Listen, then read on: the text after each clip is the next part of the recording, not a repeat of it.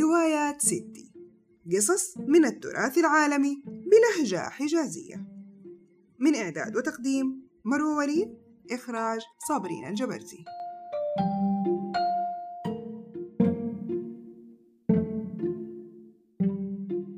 وقفنا الأسبوع الماضي لما وحوش انفلت على عباد الله وفرانكشتاين شكله عقله ساح من الفجعة وطاح وأغمى عليه ويا عيني صاحبه اتبلش فيه. طول الشتوية وهو يداوي فيه. بعد أكتر من شهرين يا دوب شم فيكتور العافية. كتر خيرك يا هنري ما قصرت. سبت دراستك عشاني؟ كيف أجازيك؟ قال له أنا ما أبغى تجازيني بس لي عندك طلب. انفجع فيكتور. خاف لا يكون صاحبه عرف شيء عن وحوشي ولا يكون دخل غرفة السطوح وشاف المعمل. شاف هنري الخوف في عيون صاحبه. قال له لا تخاف أنا بس أبغاك ترد على رسائل أهلك. تراهم ميتين من الخوف عليك. وانت دحين ما فيك ولا ضربة.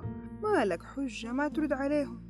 أسيبك تقرأ دي الرسالة على انفراد وأعطاه رسالة من أليزابيث وخرج. قعد فيكتور يقراها. ما قصرت أليزابيث. ما خلت شي ما حكته. جاستين دادتها الجديدة وكيف تصاحبوا إرنس اللي يبغى يصير دبلوماسي طبعا ولد الوز عوام. وويليام اللي كبر ودخل المدرسة. رد عليها إنهم هم كمان وحشوه وإنه يحبك يا إليزابيث ويدوب في هواك. أرتحتي؟ بعد أسبوعين بدأ صاحبه هنري الدراسة. قال واجب تاخده لفة في الجامعة يا فيكتور. هنري كانت هوايته اللغات وقرر فيكتور يدرسها معه. ما أدري هو شارد ما يبغى يرجع بيته ليه. ما علينا. أرسل لأبوه يقول له إنه راح يجيهم في الخريف. جاء الخريف. الجو كان صعب وخطير فأجل سفره للربيع. جاء الربيع. يلا اتكلوا على بيتكم. لا.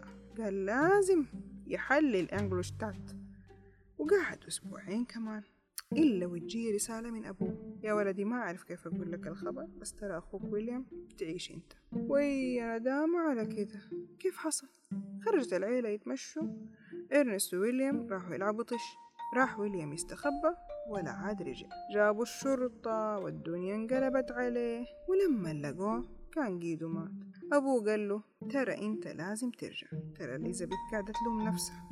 لأنها أعطت الولد سلسلة حقت أمه في الصباح. وشكله اللي قتله حرامي كانت عينه على السلسلة. المهم رجع فيكتور على جنيف ما ينفع يطنش أكتر من كده. ساب الشقة لصاحبه بس قفل المعمل بالضبط والمفتاح.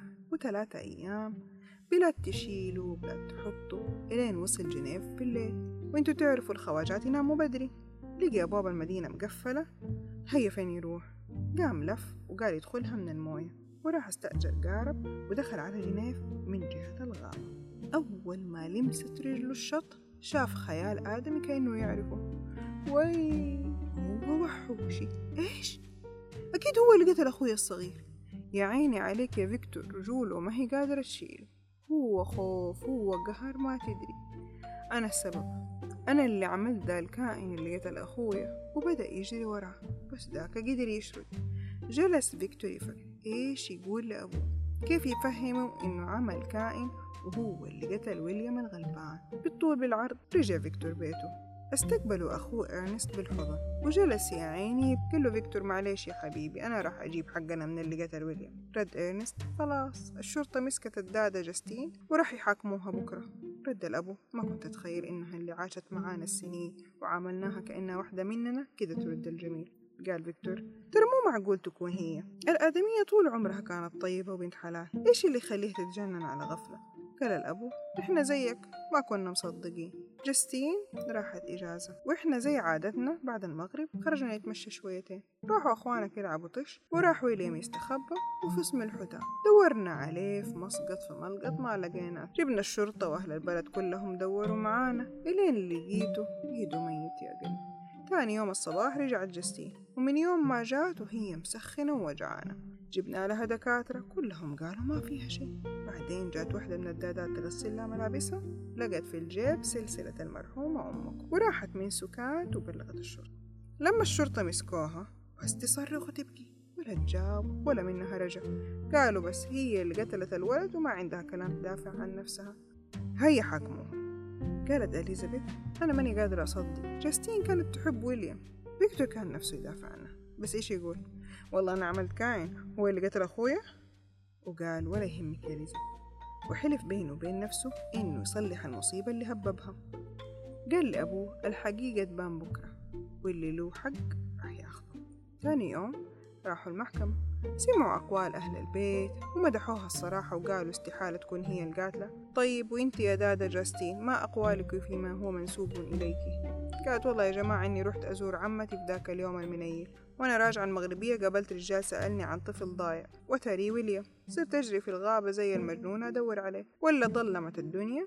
جيت أرجع جنيف لقيتهم قفلوا البلد. احترت فين أروح في ذاك الليل؟ وأنا ماشي لقيت كوخ فاضي.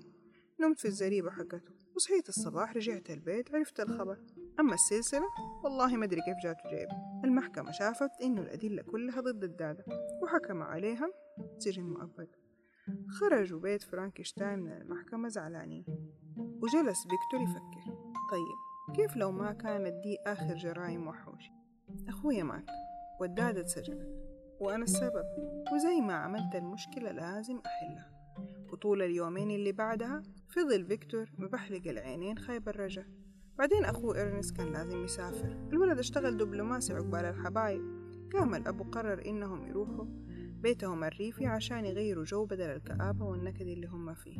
وفعلا راحوا. صار فيكتور طول الوقت مفلوت يمشي ويفكر. كيف التجارب اللي كان يعملها عشان يوصل للمجد ويعمل اللي عمره ما اتعمل؟ كيف صارت هي دي المصيبة؟ طيب إيش أبشع صناعة هذا الكائن ولا قتله؟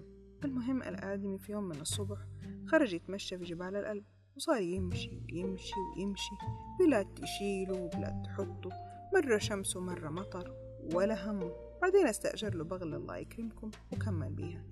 إلين فجأة وسط المطر والضباب ما يشوف إلا واحد مقبل عليه يضرب بعينه يلاقيه أطول من البشر العاديين. وي وحوشي يا دي المصيبة. داخ فيكتور وكان راح يغمى عليه. بعدين هفت هوا بارد قومته وقام يزعق زي المجانين. أنت جاييني برجلك؟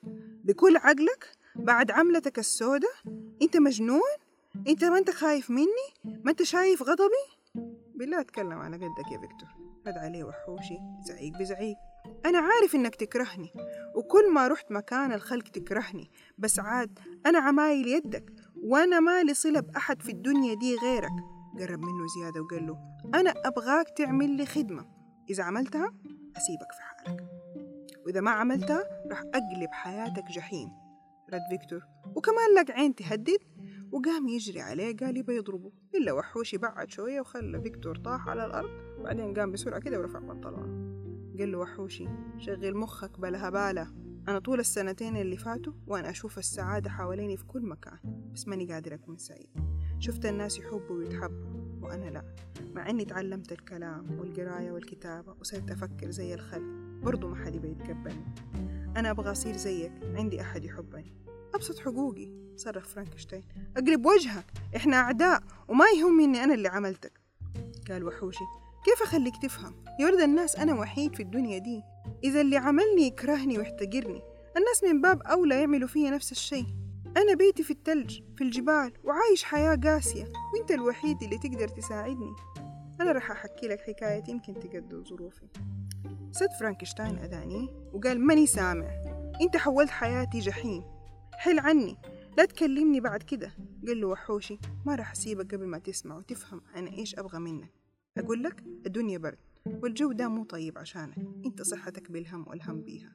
تعال بيتي وأنا أفهمك كيف ممكن أختفي من حياتك ولا آذي أحد من اللي تحبهم إلين آخر العمر. ولف وحوشي ومشي على النهر الجليدي ومشي ورا فرانكشتاين. قال له عقله مهما كنت تكرهه على الأقل تفهم منه قصته. وصلوا كوخ وحوشي وقعدوا قدام النار وصار يحكي يقول أول ما صحيت على الدنيا كانت كل حواسي شغالة مع بعض وماني داري إيش ده. خرجت من شقتك ولقيت نفسي في الغابة. ماني عارف أنا فين ولا إيش أعمل. بدأ الجو يبرد والدنيا تظلم وأنا ملابسي هلاهيل ما تدفي. لقيت أحد رامي ملابس قديمة لبستها واترميت جنب النهر ورقت صحيت زوري ناشف وبطني توجعني. جربت أشرب من النهر وآكل من التوت والمكسرات اللي في الغابة. والله الحمد لله شي جميل. وفضلت كده فترة وما أعرف قد إيش. وفضلت كده فترة ما أعرف قديش وما كان يهديني ويسعدني إلا شوفة القمر في الليل. بعدين بدأ الخريف وما عاد في أكل زي أول. وبدأت أدور على مكان أنام فيه. لقيت كوخ صغير بابه مفتوح. دخلت إلا آدمي كبير قاعد يسوي فطور. بس شافني انخلع وصار يجري. والله أنا أكلت الفطور وشبعت. تسلم يده الصراحة وتمددت على الأرض ونمت. لما صحيت خرجت قال يا همي أبغى أروح المدينة. كل من شافني انفجع وصاروا يضربوني بالعصي ويرموني بالحجار وخلوني شردت واستخبيت. بعدها شفت وجهي في انعكاس الماء وعرفت قد إيش أنا شكلي بشع. المهم صرت أجري ما أدري إلين لقيت كوخ جنبه بيت صغير عايش فيه رجال كفيف وبنته وولده. استخبيت في الكوخ. وقعدت أتفرج على دي العيلة من خرم الجدار. الولد كان يجيب الحطب والبنت تعمل شغل البيت والأب يعزف على الناي قدام الدفاية ويجلسوا يقروا للأب كتب ويضحكوا ويتفلسفوا هم دول اللي تعلمت منهم الكلام. بعدين علمت نفسي القراية والكتابة. وكنت أساعدهم وهم ما يدروا. يصحوا الصبح يلاقوا أشغالهم يخلصوا أكيد جبت الحطب بدل الولد وعملت شغل الحديقة بدل البيت. وعلى ذا الحال سنة زمان. إلين في يوم أتشجعت وقلت أقابلهم. خليت الولد والبنت طلعوا من هنا ودقيت الباب على الأبو دخلني وجلسنا نتحكى. وقلت له إني مسافر وكيف جيت وكيف إني وحش وكل الناس ينفروا مني. قام قال لي بس باين إنه أنت قلبك أبيض. وفرت الدمعة من عين وحوشي. وقال أتحمست وحكيته كيف إنه أنا اللي كنت أساعدهم في شغلهم وإني أحبهم وأتمنى إنهم يحبوني. وبعدين شويتين جو بزورة الآدمي وانفجعوا وصرخوا ورموني برا البيت. وصرت أنا أجري ما أدري. والله ما كنت أبغى أذيهم أنا حبيتهم وتمنيت أكون واحد منهم. بعدين لما رجعت تاني يوم لقيتهم لموا عزالهم وهجوا من البلد. مفجوعين من شكلي. ما نفعني إني ذكي وأعرف أتكلم في العلوم والفلسفة. ولا إني طيب ولا إني أحبهم. كل ده بسببك أنت يا بعيد. وجلست أمشي شهور إلين وصلت للغابة اللي أنت شفتني فيها ذاك اليوم. وصدفة لقيت أخوان بيلعبوا ويضحكوا.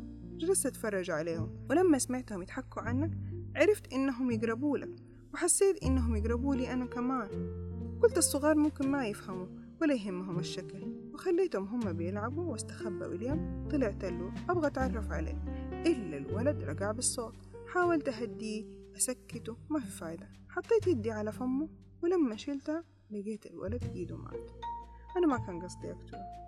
بس ولقيت السلسلة في حلقه شلتها معاي وشرد بعدين في الليل لقيت البنت اللي كانت نايمة في المغسل وحطيت السلسلة بجيبها بعدين معلش يا فرانكشتاين كان لازم تدوق شوية من اللي أنا دقته. ما كان عن قصد بس هو ده اللي صار. دحين أنا أبغى منك طلب. زي ما أنت جبتني لازم تشوف لي حل. أبغى أحد أقضي وقتي معاه. زيي يفهمني يونسني. أبغاك تعمل لي زوجة. أنفجع فرانكشتاين. قال له لا طبعا.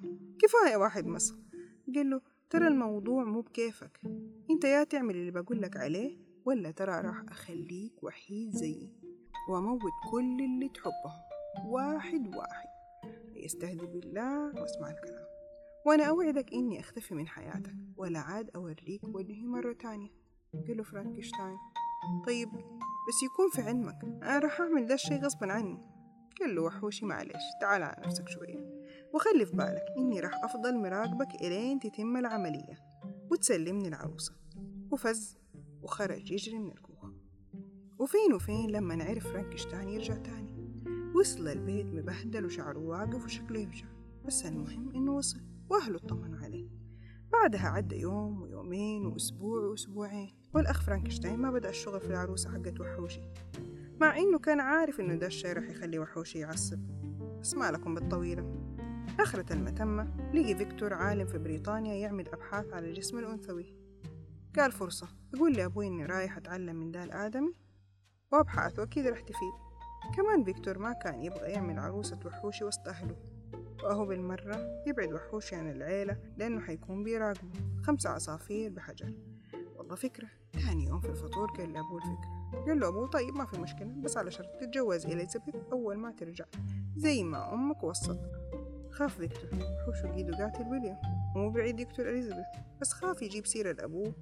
فسلك له وقال له موافق. وتحمس الأبو. وكلم هنري عشان يسافر على لندن مع فيكتور. وشدوا لحالهم وتوكلوا على لندن. وشوية راكبين شوية ماشيين شوية في البحر إلى أن وصلوا بعد شهر زمان. على طول رجعوا للدراسة من جديد. هنري متحمس على دراسة اللغات ونفسه يتعلم كل لغات العالم عشان بعدها يبدأ يلف العالم. بس فيكتور كان بيشتغل من غير نفس. كل ما حط يده في شيء يتذكر أيام ما كان شغال على وحوشي. بعد فترة جات لهنري رسالة من ناس معرفة يبغوا يعزموه عندهم في اسكتلندا. والله وتحمس هنري. تعال معايا فيكتور. والله ما كدب فرانكشتاين خبر. استأجر عربية تانية. يدوب حط فيها عفشه والعدة اللي راح يحتاجها لعروسة وحوشي أصله ما يبغى يسيب أثر للمعمل اللي كان بيشتغل فيه.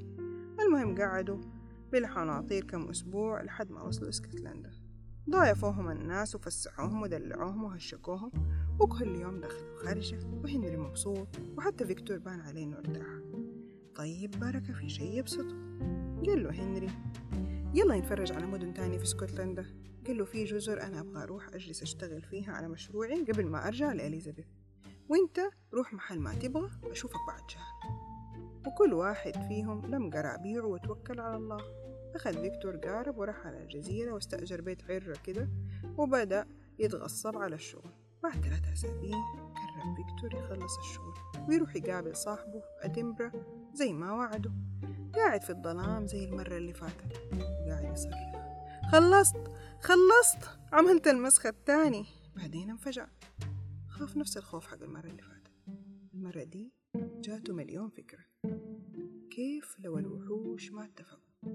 لو وحوشة ما حبت وحوش. كيف لو طلعت شريرة أكتر منه؟ لا. هو ما رح يقدر يتحكم فيها ولا حيقدر يتحكم في تصرفاتها. زي ما إنه ما في أحد له حكم على تصرفات وحوشي طيب كيف لو اتكاتروا وخلفوا وحوش تانيين؟ لا يا أبوي أنا مالي شغل. مالي ومال الهم. كان باقي الخطوة الأخيرة. ما رضي يكمل فيكتور ويضرب بعينه يلاقي وحوشي واقف يطالع فيه. هز فيكتور راسه. ما راح أقدر أكمل. الموضوع انتهى. ما قدر وحوشي يمسك نفسه وصار يبكي. بعدين دخل. وقال لفيكتور ليش ما كملت؟ أنت مو وعدتني مو حرام عليك؟ كمل وعدك الله يخليك. رد عليه فيكتور. ما أبغى أعمل شي تاني زيك. قال له وحوشي. أنا غلطتك. أنا الدنيا دي مو مكاني وإنت اللي جبتني لها. إنت رفضتني ورفضتني الدنيا كلها. مو حرام عليك أقضي حياتي كلها وحيد؟ يا كبدي عليك يا وحوشي والله غلبان. بس فيكتور منشف راسه. لا يعني لا. يتخضع وحوشي وشوية يبوس القدم ويبدي الندم. وفيكتور يقول قدر موقفي أنا عارف إنك وحيد وحزين. بس في نفس الوقت هذا مو حل. ما أقدر أتحمل مسؤولية واحد تاني زيك. الموضوع خرج من يدي. وأنا راجع بكرة. يلا مع السلامة وخذ الباب في إيدك. قال وحوشي ببرود أنا خارج. بس خليك فاكر أنت اللي أخلفت وعدك. رح تدفع الثمن غالي يا فرانكشتاين. حط في بالك أنت وكل عزيز عليك في خطر. انتبه مني رح أكون معاك في كل مكان رح أكون معاك في فرحك. رح أدوقك الوحدة اللي أنا عايش فيها يا فرانكشتاين. وخرج يجري. حاول فيكتور يلحقه ما قدر. قيدو ركب قارب واختفى في الظلام بعدها جلس فيكتور يفكر. يا دي المصيبة. بيقول رح يكون معايا يوم فرحي. أكيد يبغى يقتل إليزابيث. وجلس يبكي وينوح بقلب مجروح لا. لازم أشوف له حل قبل ما يآذي أحد. لم عفش وشال الكائن ودفنه جنب البيت. والصباح ركب فيكتور القارب عشان يرجع وكانت جاته رسالة من صاحبه إنه راجع على لندن بدل أدنبرا. قضى فيكتور ليلة كاملة في البحر والموج يلعب بيه. ووصل تاني يوم في الصباح للبر. لقي الأوادم اتجمعوا حوالينه. خير يا جماعة ممكن أحد يقول لي إحنا فين؟ ردوا عليه. في مكان ما رح يعجبك. وشالوه هيلة بيلة تعال يا مجرم. إيش يا هو؟ استهدوا بالله. شفناك وإنت نازل من القارب أمس وبعدين لقينا قتيل. قال والله مو أنا اللي قتلته ولا أعرف هو مين. قالوا له بالله. طيب تعال نوريك هو هو شاف الآدمي انهار هنري أتاري القتيل صاحبه. عملتها يا وحوشي مو حرام عليك. إيش ذنب الآدمي الغلبان؟ أخدوه على القاضي. وكل من هب ودب شهد عليه إنه هو القاتل. سبحان الله قدرة قادر طلع بريء. بعد ما خلل ثلاثة شهور في السجن. معليش أتحمل. شالوا أبوه ورجعوا على جنيف تاني. قال له يا ولدي هيا كفاية فقعت لي قلبي. يلا تجوز خلينا نفرح البيت ده من زمان ما شاف فرح. طيب يا أبويا خليني أشوم نفسي. يا ولدي أنتم مو تحبوا بعض. قال له إيوه بس أحس إني أنا ما حقدر أسعدها. قال له هيا بلا كلام فاضي. يلا سريع سريع عملوا الفرح. طلعت أليزابيث طلعة زي القمر. وأخو فيكتور جاء وحضر والأبو الدنيا ما كانت سايعة من الفرح. وقالوا يقضوا شهر العسل في إيطاليا عقبال بناتكم. أليزابيث قعدت تلم في الملابس وفرانكشتاين قاعد يلم عدة تحميه من وحوشي. وتاني يوم الصباح سافروا. كانت ذاك اليوم آخر مرة في حياته يحس فيها فرانكشتاين بالسعادة. بدأوا يمشوا وسط أنهار وخضار الملك لله إلين جاء عليهم الليل وقفوا لهم في فندق يستريحوا فيه. وبدأت الدنيا تمطر بدأت العاصفة وبدأ فرانكشتاين يخاف. الآدمية نامت من هنا. وهو صار زي المجنون يدور في الفندق يبي يتأكد إنه أحوشي مو ملاحقهم. ما خلى باب ولا شباك ولا طاولة ولا سرير ولا ستارة ما دور فيه وشويتين يسمع صراخ إليزابيث ترجع بالصوت. لا نفذ وحوشي تهديده. طلع الغرفة يجري لقاها قيدها ماتت. يا حبيبتي يا إليزابيث ما لحقت تتهنى بجوازتها. حاولوا الناس يلحقوا وحوشي بس فين؟ قيدوا نط من البلكونة واختفى وفين تلاقيه خلاص فرانكشتاين فقد حب حياته. وتساوت الروس. الاثنين ما عاد عندهم شيء يخسروا. ومن وقتها وحوشي يجري وفرانكشتاين يجي ورا. من سويسرا لسيبيريا ومو قادر يلحقه وداك زي اللي بيقهر. يسيب له رسالة يقول له كمل الحقني. وآخر رسالة خلاها في سان بطرسبرغ. قال له تعال معاي للقطب لمملكة الجليد. وداك ما كذب خبر ولحقوا إلين وصل المكان عمره ما أحد وصله ورجع حي. محل ما لقاهم الكابتن والتون فاكرينه اللي في أول القصة. المهم خلص فرانكشتاين القصة. والبحارة حقون والتون قالوا له ترى إحنا لو ما رجعنا دحين عمرنا ما رح نرجع. وما حد فينا يبغى يكمل معاك للموت. قال فرانكشتاين ترى الشهرة والمجد هي اللي خلتني أعمل التجارب دي اللي دمرت لي حياتي وحياة اللي أحبها. لا تعمل زيي ترى رح تندم. ورجع أغمى عليه جاء الدكتور طل على فرانكشتاين؟ قال ده لو عاش الليل؟ طيب الآدمي بيودع. آخر كلمات فرانكشتاين؟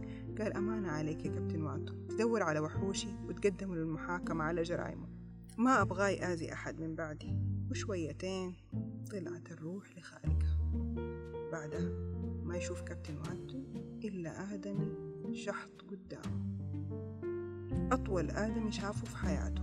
شعره أسود حرير على الخدود بيهفف ويرجع يطير. وشكله يفجع يا لطيف أكيد وحوشي. أكيد. جلس وحوشي جنب فرانكشتاين يبكي. آه يا فرانكشتاين يا حبيبي. أنا إيش سويت فيك؟ أنت اللي خليتني أعمل فيك كده. أنت لو حبيتني وأعطيتني وجه ما كنا وصلنا لهذا الحال. أنا كنت أبغاك تحس بشعوري. أبغاك تعرف كيف الآدمي لما يعيش وحيد. عارف إنك ما تقدر تسامحني بس اطمن. وارقد في سلام. اللي بيجوا من أهلك ما راح يصيبهم شيء. مني وأوعدك ما آذي أحد من بعدك.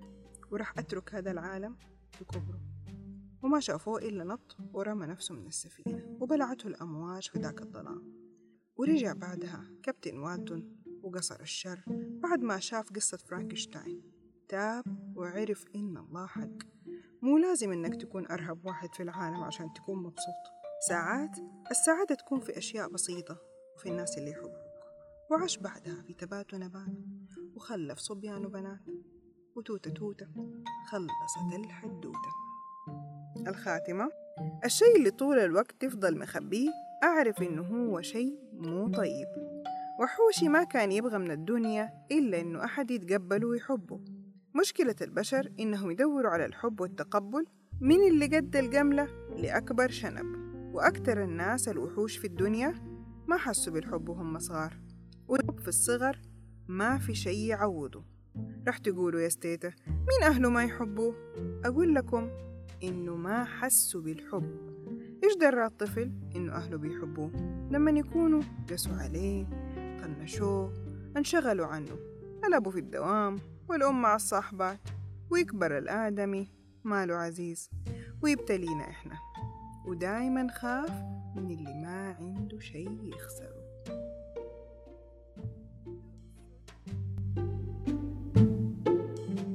لا تنسوا تتابعوني. كل يوم خميس الساعة 8 بتوقيت السعودية. في روايات ستي إعداد وتقديم. مروة وليد إخراج صابرين الجبرتي.